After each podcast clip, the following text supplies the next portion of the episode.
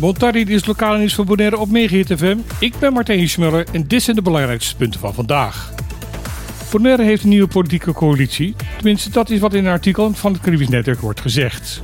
En echt nieuw is het ook niet, want het zou om een voorstelling gaan van de samenwerking tussen de partijen UPB en NPB.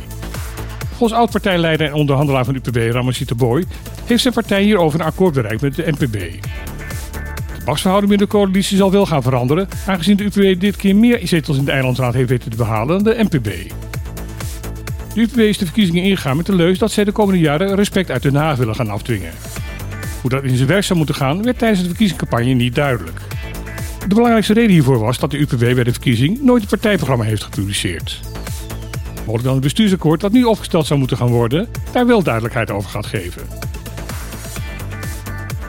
Wie in het paasweekend aan de stand wil gaan kamperen, zal zich dit jaar aan strenge regels moeten gaan houden dan de afgelopen jaren het geval is geweest.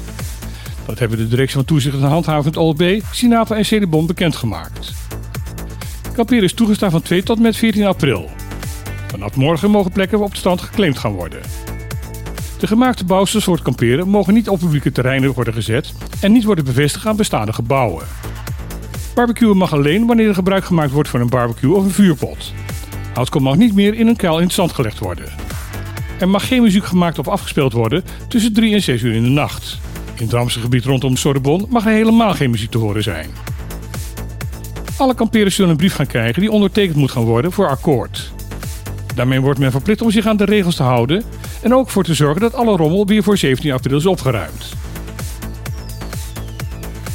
Vlak nadat freediver Alexei Molchanov afgelopen dinsdag zijn tweede geslaagde wereldrecordpoging had gedaan, was hij alweer op bezoek met MBO Bonaire bij de opleiding Sport en Beweging.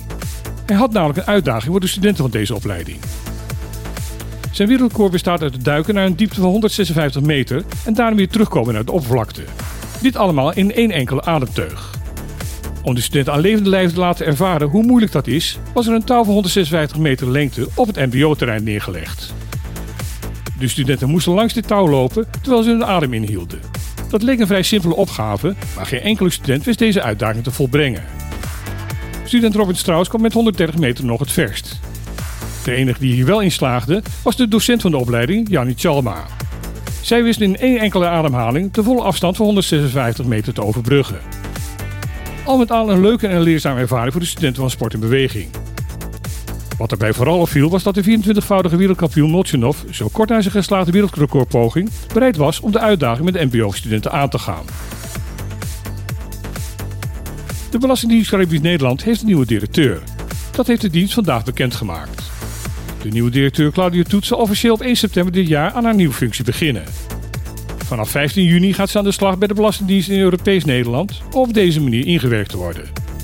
Toet is momenteel plaatsvervangend regeringscommissaris op Sint-Eustatius.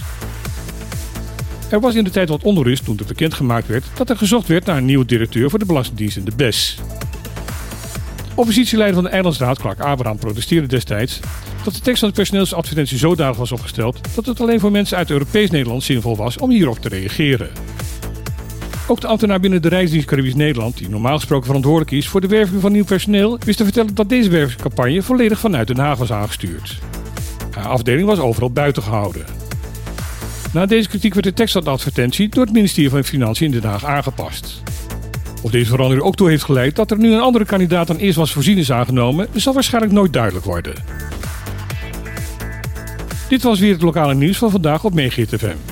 Morgen zal op deze zender weer van 12 tot 2 het programma Op de Klippen te beluisteren zijn. Een van de gasten zal dan Daniel van het Schip zijn. Zij komt vertellen over haar ziekte en het boek dat ze daarover geschreven heeft.